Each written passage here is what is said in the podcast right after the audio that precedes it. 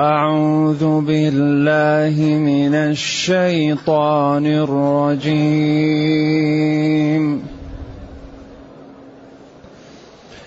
بسم الله الرحمن الرحيم.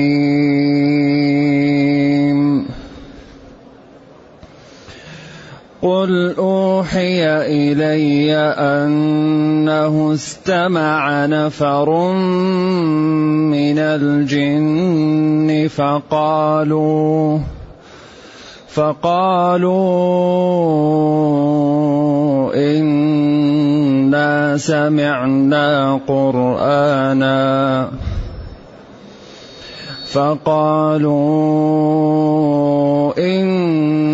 انا سمعنا قرانا عجبا.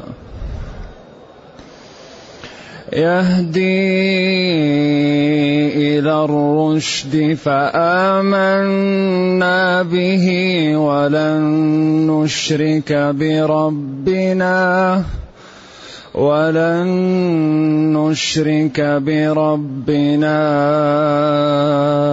احدا. وأنه تعالى جد ربنا ما اتخذ صاحبه وأنه تعالى جد ربنا ما اتخذ صاحبة ولا ولدا وأنه كان يقول سفيهنا على الله شططا. وأنا ظننا أن لن تقول الإنس والجن. وانا ظننا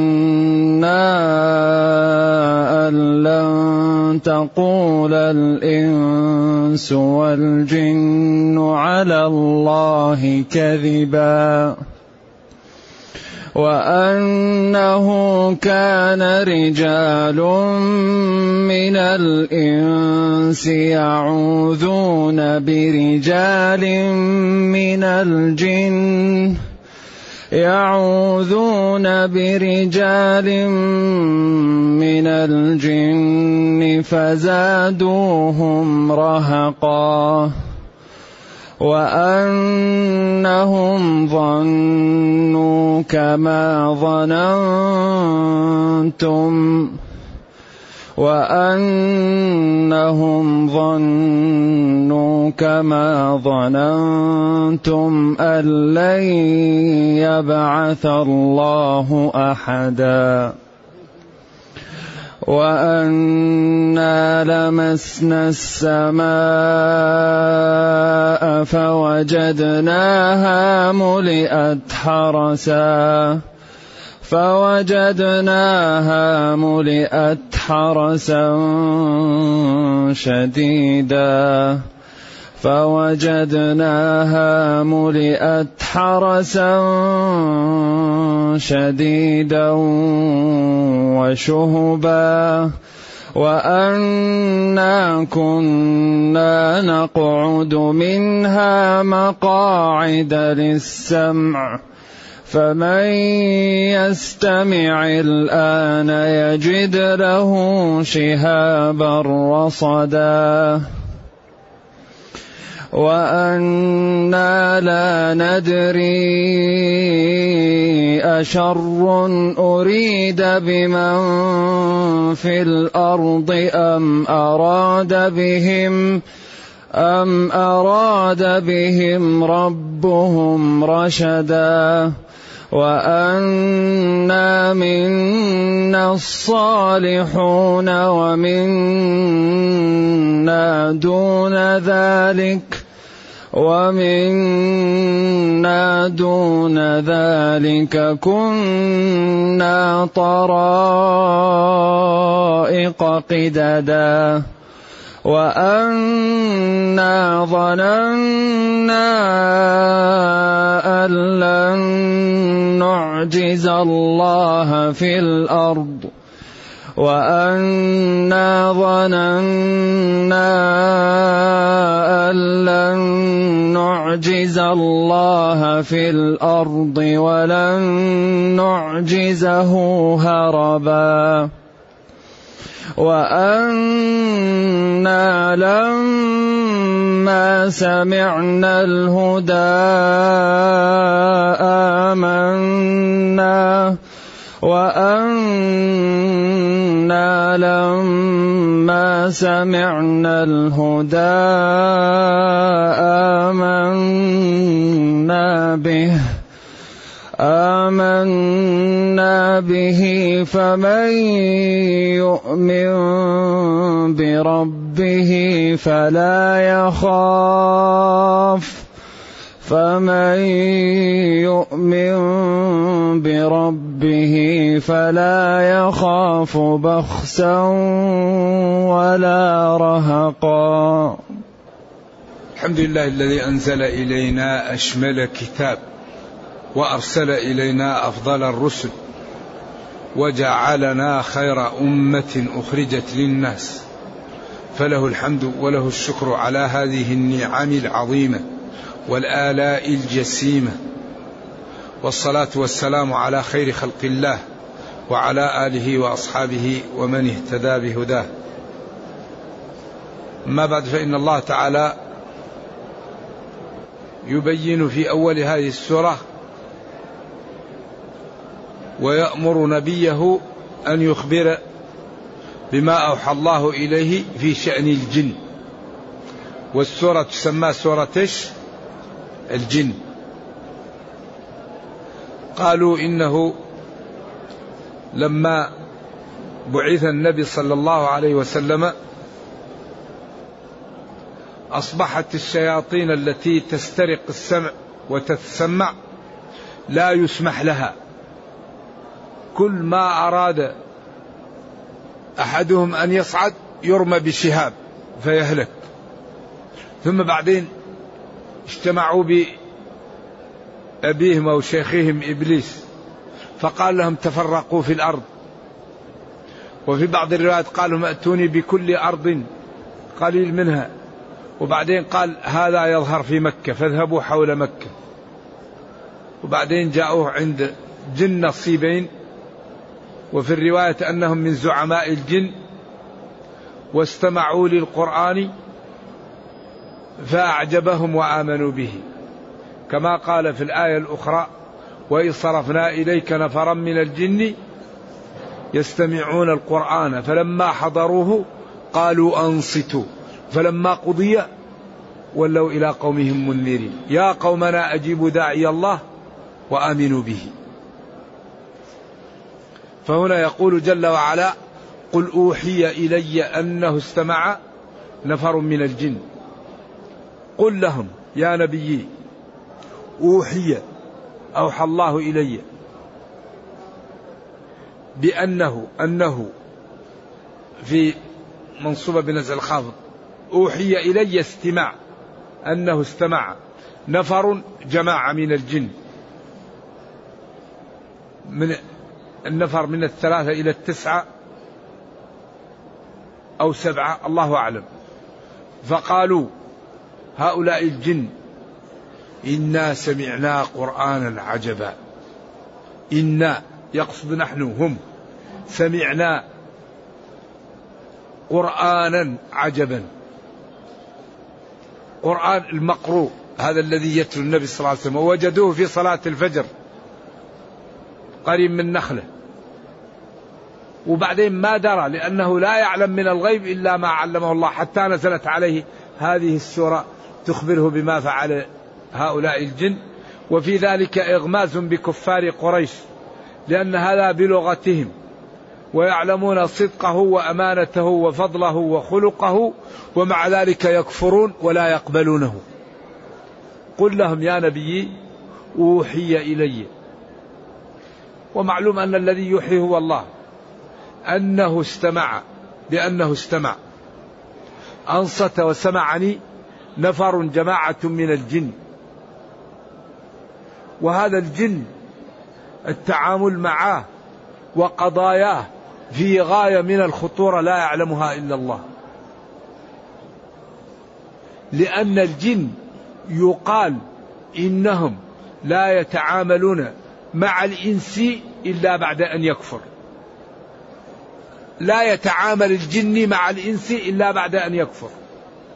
فإذا كفر الإنس أهلك نفسه. إذا التعامل مع الجن غاية في الخطورة. لأنهم أعداء لنا ويرونا ونحن لا نراهم وأحدهم يجري منا مجرى الدم. إن الشيطان لا يجري من الإنسان مجرى الدم. يمشي كما يمشي الدم في العروق الشيطان متسلط علينا يتلبسنا ويدخل فينا. ويقال إنهم لا يتعاملون إلا مع من يكفر. لا يقبل منك المعصية. الشياطين لا يتعامل مع الإنس إلا بعد الكفر. فإذا كفر خدموه وأعطوه وعملوا له ما يريد لكن بعد أن يكفر. فلذلك التعامل معهم غاية في الخطورة. كل هذا الباب سرداب. اللي يقول لك هذه جنية مسلمة تخبرني أو هذا جني مسلم يخبرك. تدريك هو يكذب عليك. هذا يريد يستدرجك عشان إيش؟ عشان تروح معاه وبعدين تروح في داهية. فالقضايا كلها مشكلة. هذا سرداب.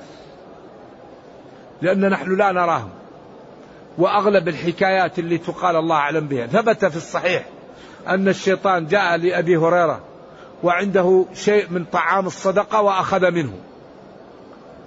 ثم قال له أتركني ولا أعود. فقال له سيعود. ثم جاءه الليلة الثانية. جاءه الليلة الثالثة. بعدين قال له أتركني وأنا أقول لك شيء يمنعك من الشيطان. قال له إن أردت أن يحفظك الله من الشيطان اقرأ آية الكرسي. قال له ما فعل أسيرك البارحة يا أبا هريرة.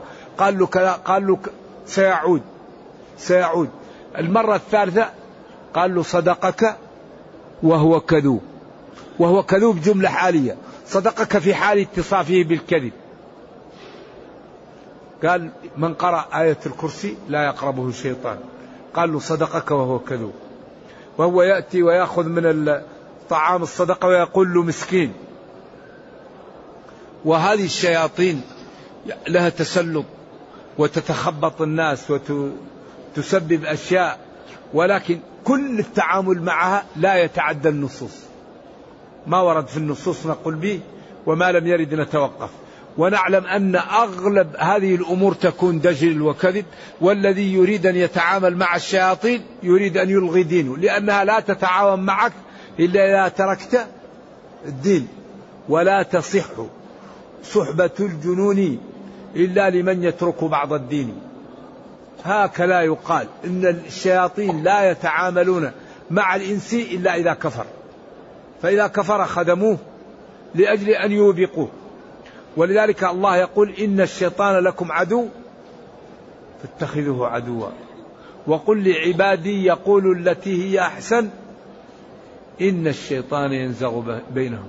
وقال فبعزتك لأغوينهم أجمعين إلا عبادك منهم مخلصين. وقال فلآتينهم من بين أيديهم ومن خلفهم وعن أيمانهم وعن شمائلهم. فالله حذرنا من الشيطان.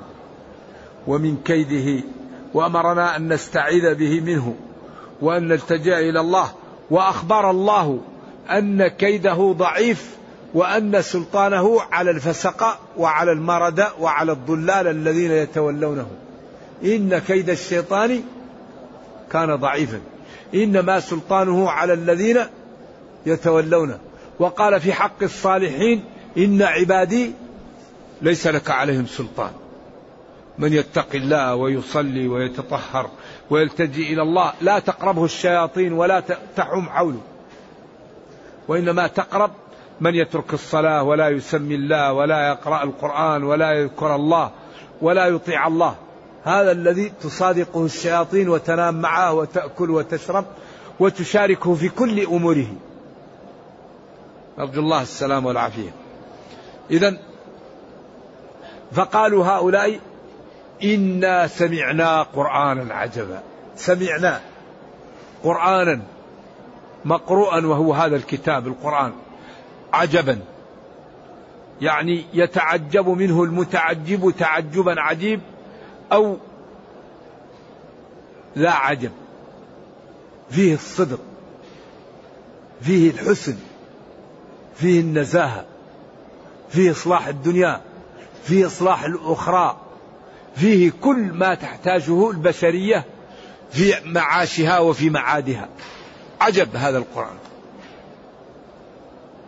كلام محصور ولكن فيه ما لا يتناهى.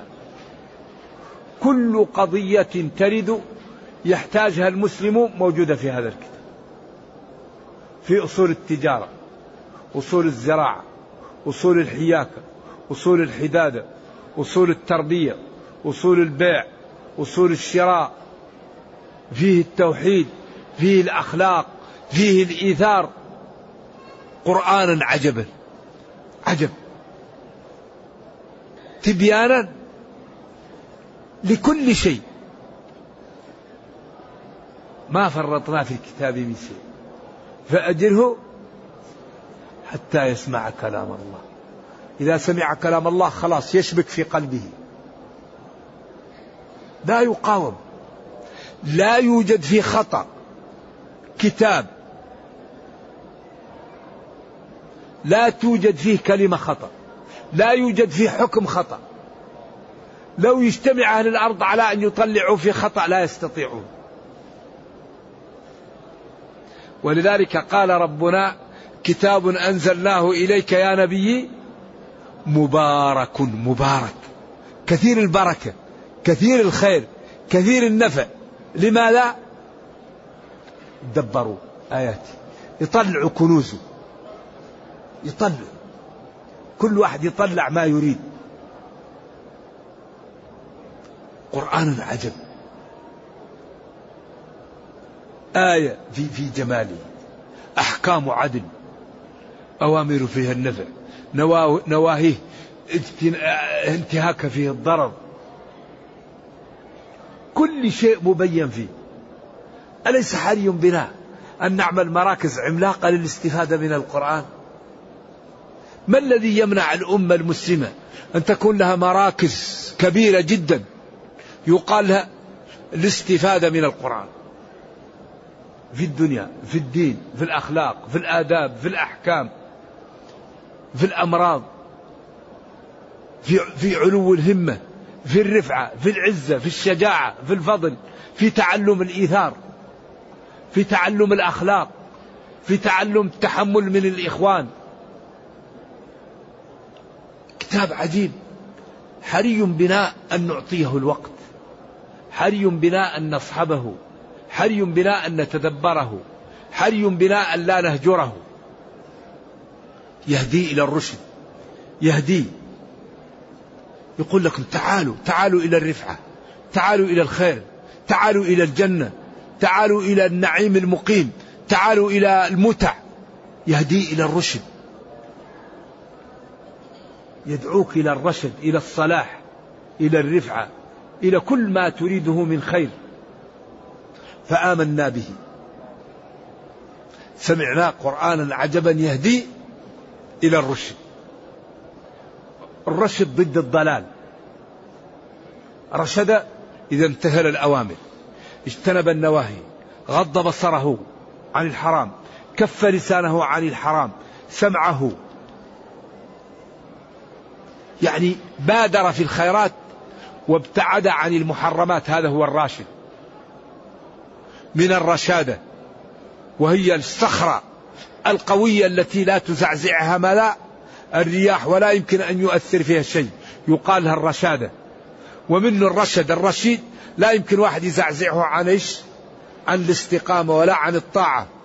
ولا يمكن أن تستهويه الشهوة ولا يستهويه الشياطين. راسخ كالصخرة راشد. باقي على الحق مهما جاءت الحوادث ومهما تغيرت المتغيرات. لا يزول عن الحق ولا يقبل غير الحق. يهدي إلى الرشد. فآمنا به صدقنا به واتبعناه وتبنا ولن نشرك بربنا أحد. لن نشرك بربنا أحد.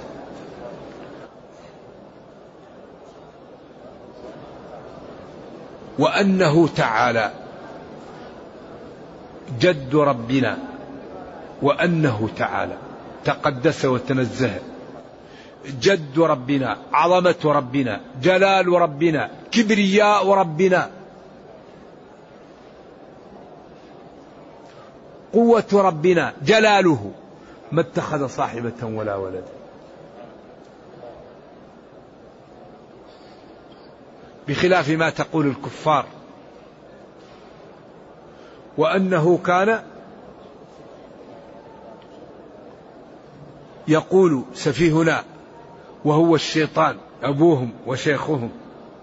على الله شططا كلمة كلاما كذبا وفظيعا. ينسب له الولد والصاحبة والشريك. وأنه كان يقول سفيهنا الشيطان رئيسهم على الله شططا يعني زيفا وكذبا وأمرا عظيما وهو ما ما يشركون به وينسبون له مما لا يليق بجلاله وكرامته. وأنه كان أي الأمر والشأن وإنه كان. إما استئنافية أو معطوفة على تكون في سادة مسد المصدر فتنصب.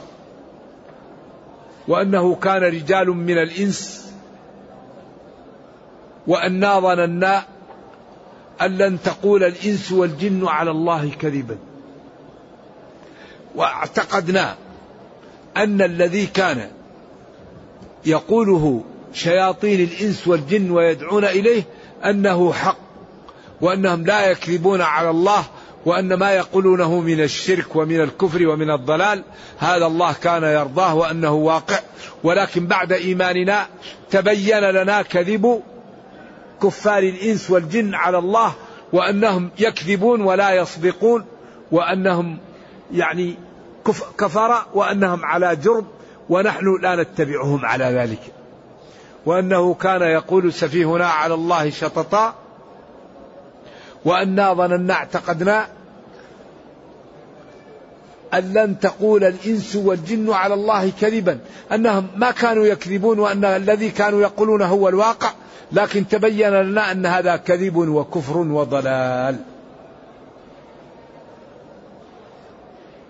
ثم أخبروا أنه كان رجال من الإنس يعوذون برجال من الجن فزادهم رهقا الجن تخاف من الإنس والإنس يخاف من الجن.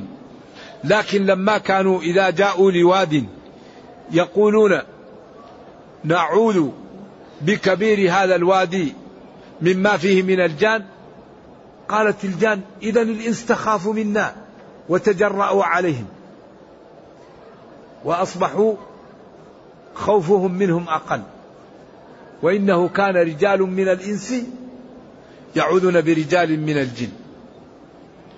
لا ولذلك هؤلاء بعض هؤلاء الجن آمنوا فأصبحوا إذا استعاذوا بهم يقولوا نحن لا لا نملك شيء. وأنتم تستعيذون بنا أنتم كفار أما نحن فنبرأ إلى الله من استعاذكم بنا. وأنه كان رجال من الإنس يعوذون يلجؤون لرجال من الجن. لما ينزل في وادي يقول أعوذ بسيد هذا الوادي. يقال في الحكايات أن راعي استعاذ بالوادي وجاء الذئب وأخذ سخلة من الغنم صغير. فقال لصاحب الوادي. ألم نستعذ بك؟ فيقال خرج صوت وقال يا سرحان أترك السلاح أترك الجدي فتركه. طبعا هذه حكايات. لا أعرفها ثابتة وإنما ذكرها المفسرون من الإسرائيليات لكن لا أعرف هذا ثابت. لكن ثابت أنهم يستعيذون منهم. لكن كون أنهم ينفعونهم هذا الذي يحتاج إلى دليل. فزادوهم رهقا هل زادوهم طغيانا؟ استعاذة الإنس بالجن زادت الجن كفرا وطغيانا وتكبرا؟ أو استعاذة الإنس بالجن زادت الإنس يعني يعني تعلقا بالكافر ورهقا وتسلطا عليه من من الشيطان. قولان في الآية. محتمل. زادوهم رهقا زادت الجن الإنس من الطغيان والتعدي عليها. لما استعاذوا بهم. أو لما استعاذوا بهم زادت الجن آه، يعني عظمة وتكبرا لاستعادة الإنس منها. أيوة كله محتمل. وأنهم ظنوا كما ظننتم قبل إيمانكم أن لن يبعث الله أحدا وأنه لا حياة بعد الموت.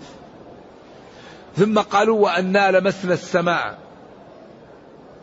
التمسنا أن نطلع إليها فوجدناها بعد أن كنا نمشي ونخرج ونطلع و وكثير مما يقع. نستطيع أن نستمع له ملئت حرسا شديدا وشهبا خلاص القرآن سيأتي. وهذا القرآن خاتم شريعة خاتمة الرسل. يطلع الشياطين ويستمع بعض الكلام ويزيد عليه ويلبس على الناس. إنا نحن نزلنا الذكر لا القرآن لا يمكن أن يقرب. فلذلك حرست السماء ولا يمكن يصل شيء. ملئت حرسا شديدا ملائكة شداد وشهب. أي واحد يقرب على طول يقتل ويحرق.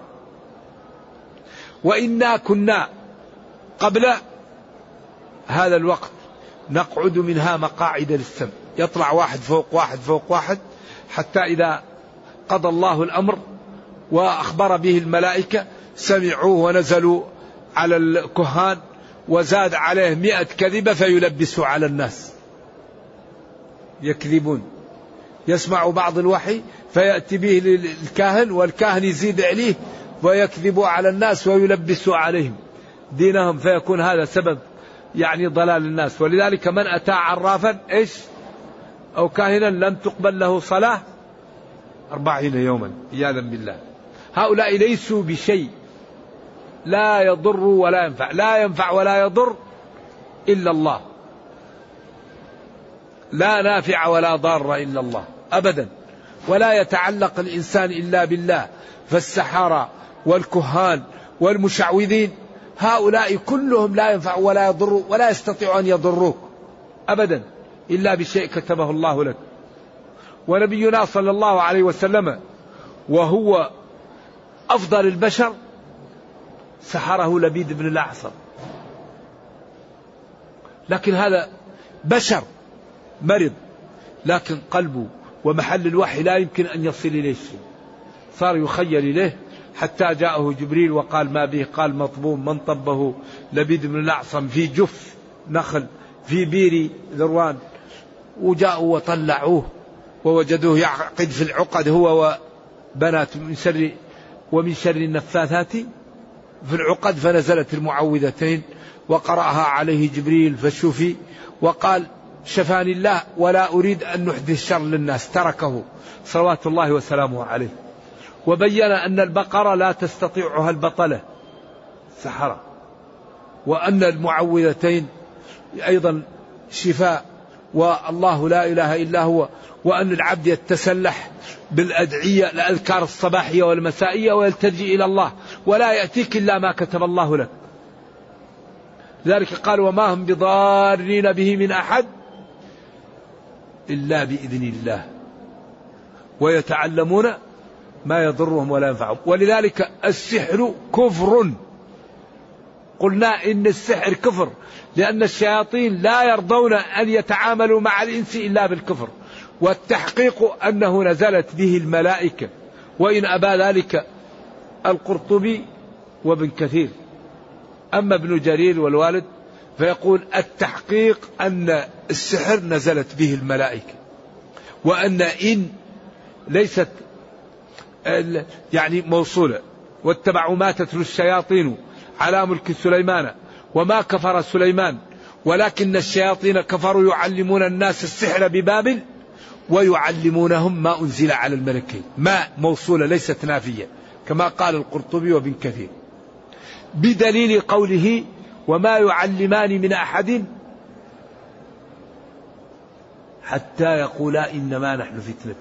لذلك ابن كثير رحمة الله عليه هنا أعياه توجيه الآية. فقال على سبيل السخرية. ولذلك الله قال ونبلوكم بالشر والخير فتنة. أيوة فنزل به وكانوا يأتون ويقول تريد أن تكفر؟ نعلمك ابتلاء. وما يعلمان من أحد حتى يقولا إنما نحن فتنة فلا تكفر. وقال في سورة طه ولا يفلح الساحر حيث أتى. والتعبير بلا يفلح في القرآن يدل على الكفر. وحديث بجالة أن الساحر حده أن يقتل بالسيف. اقتلوا كل ساحر وساحرة. لأن الساحر كفر. ف ومن كفر ومن بدل دينه فاقتلوه. ذلك السحر والشعوذة والدجل. هذه أمور ينبغي للمسلم أن يتقي الله ويبتعد عنها.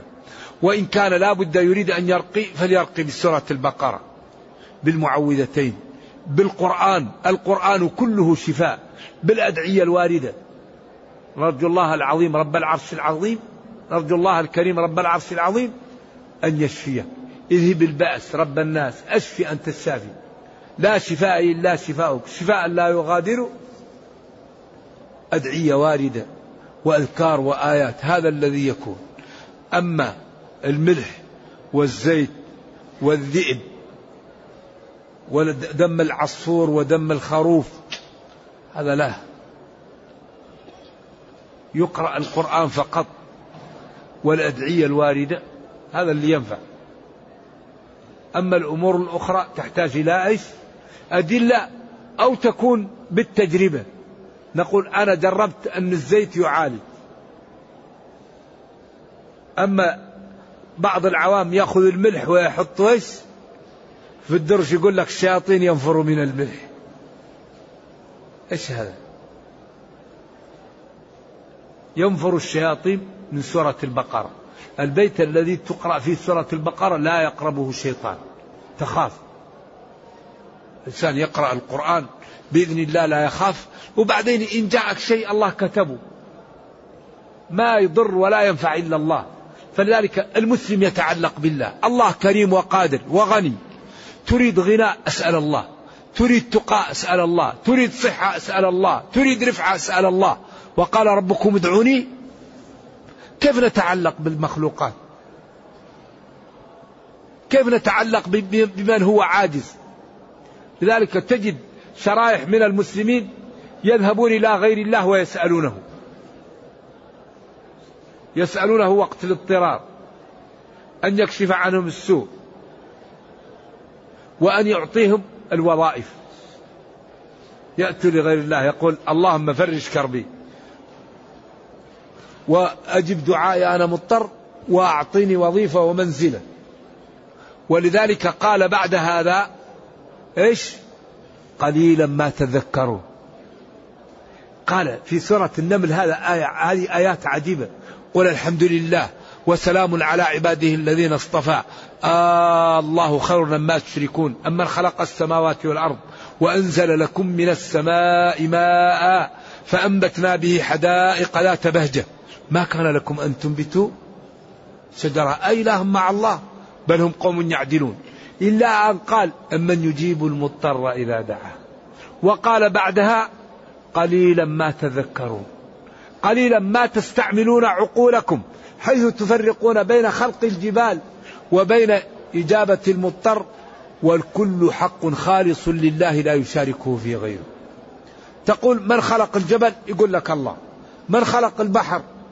الله. من خلق الغابة؟ الله. طيب من يجيب المضطر؟ الولي.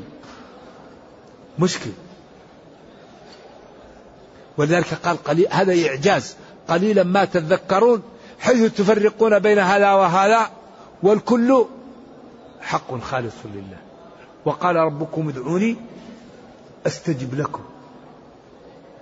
لذلك دعاء غير الله جد خطير. يأتي للقبر ويقول أتيناكم قاصدون ومثلكم يقصد ومن قصد الأجواد ليس يخيب. أعوذ بالله. القبر. هذا انقطع عمله انتهى. إلا من دعوة صالحة من أخيه أو صدقة أو علم ألف كتب ينتفع بها إذا مات ابن آدم انقطع عمله إلا من ثلاث. دعوة من ولد أو حبيب أو صدقة وقف. أو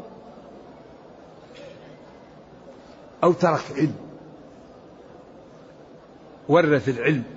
وعلم الناس وكتب وترك ناس علمهم الخير هذا ينتفع به هذا يجري عليه أجره. أما أهل القبور كفت أيديهم عن العمل وشاهدوا الحقيقة فهم في أحوج شيء إلى أن يدعوا لهم إخوانهم الذين هم الذين لا زالوا في الدنيا.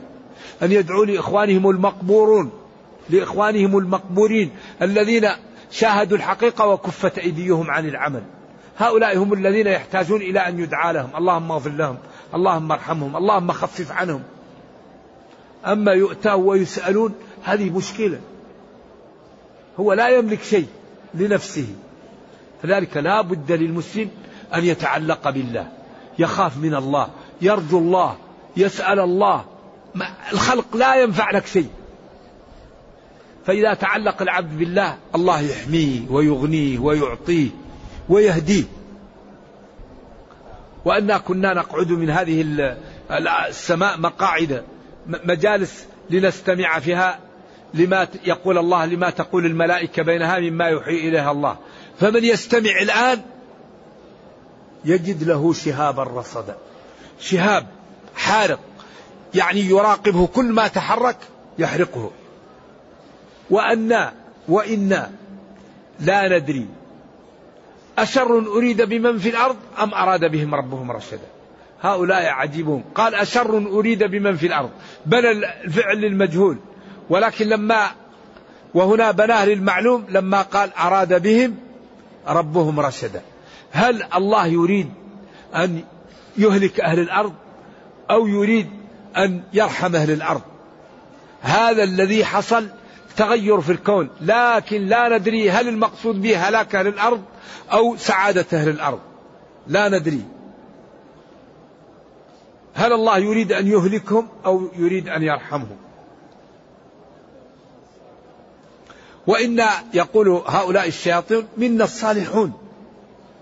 من آمن بالله وأطاعه وترك الحرام وسار على ما رسم له. ومنا دون ذلك.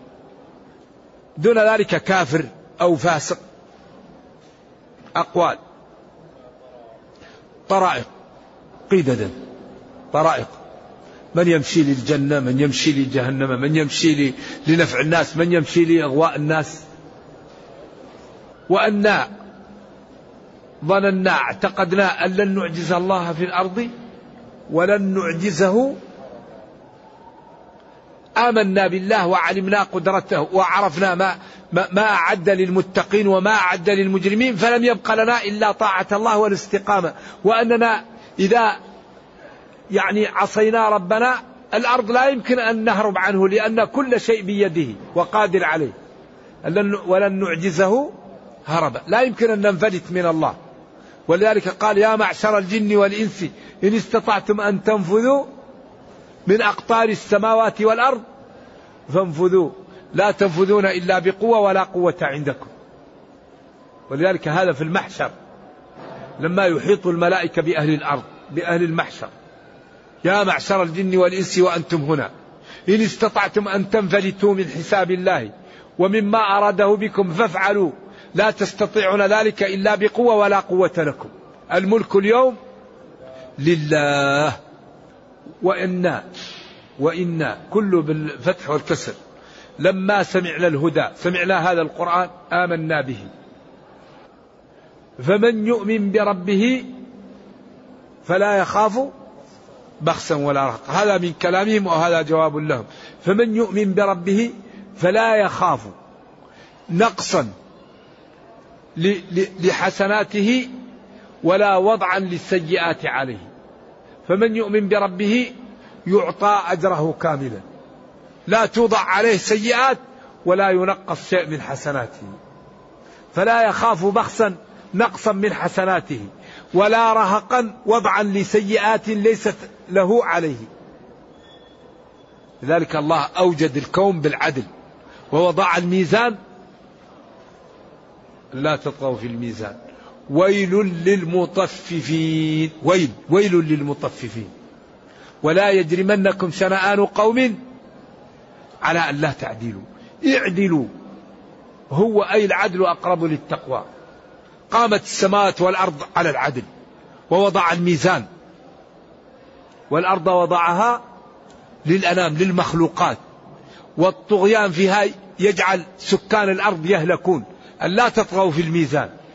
وأقيموا الوزن بالقسط ولا تخسروا الميزان لأن عدم الوزن هذا يسبب الدمار الظلم الظلم يهلك. لذلك قامت قام الكون على العدالة. اعدلوا. ما أجمل هذا الدين. وما أحسنه. وما أنجعه لحل مشاكل أهل الأرض. حري بنا أن نفهم هذا الدين. وأن ندعو الناس إليه. وأن ننقذ البشرية من النار. حري بأمة محمد صلى الله عليه وسلم أن تهتم بالبرامج التي تنقذ سكان أهل الأرض من النار. لأن كثير منهم إذا دخل النار يلببنا عند قدم عند عند الصراط. ويقولون يا ربنا إن المسلمين عندهم القرآن حالوا بيننا وبين فهم هذا الدين فانتقم لنا من هؤلاء. والله يقول لا يضركم من ضل إذا اهتديتم. الاهتداء هو أن نبين للناس الخير وندعوهم لاتباعه ونبين للناس الشر ونحذرهم من سلوكه نهتدي. أما إذا لم نفعل هذا لا نهتدي. الاهتداء هو بيان الخير للناس وأمرهم باتباعه وبيان الشر للناس وتحذيرهم من سلوكه. هذا هو الاهتداء. والله لتأمرن بالمعروف ولتنهون عن المنكر أو ليخالفن الله بين قلوبكم ثم يلعنكم كما لعنهم. لعن الذين كفروا من بني إسرائيل على لسان داود وعيسى بن مريم. ذلك بما عصوا وكانوا يعتدون. كانوا لا يتناهون عن منكر فعلوه. لبئس ما كانوا يفعلون. والله لتأمرن بالمعروف ولتنهون عن المنكر. قال ابن مسعود كنا نظن أن هذه الآية في غيرنا فتبين لنا أنها فينا أنها في ناس يأتوا بعدنا. لا يضركم من ضل إذا اهتديتم. فمن يؤمن بربه فلا يخاف بخسا ولا رهقا لا يخاف أن ينقص من حسناته ولا أن يوضع عليه السيئات غير سيئات. من يؤمن بربه يعطى أجره كاملا. إذا حري بنا أن نهتم بهذا الدين وبهذا الكتاب وأن نهتم بإخواننا لننقذهم من النار بإبلاغهم هذا الدين وبإفهامهم له وبالدعوة بالقدوة. لا يوجد شيء في هذا الزمن أنفع من القدوة الحسنة القدوة القدوة.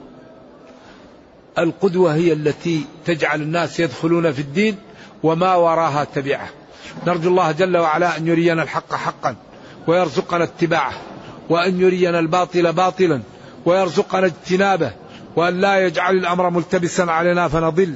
اللهم ربنا آتنا في الدنيا حسنة وفي الآخرة حسنة وقنا عذاب النار. اللهم اختم بالسعادة آجالنا واقرم بالعافية غدونا وآصالنا واجعل إلى جنتك مصيرنا ومآلنا. سبحان ربك رب العزة عما يصفون وسلام على المرسلين والحمد لله رب العالمين. وصلى الله وسلم وبارك على نبينا محمد وعلى آله وصحبه. والسلام عليكم ورحمة الله وبركاته.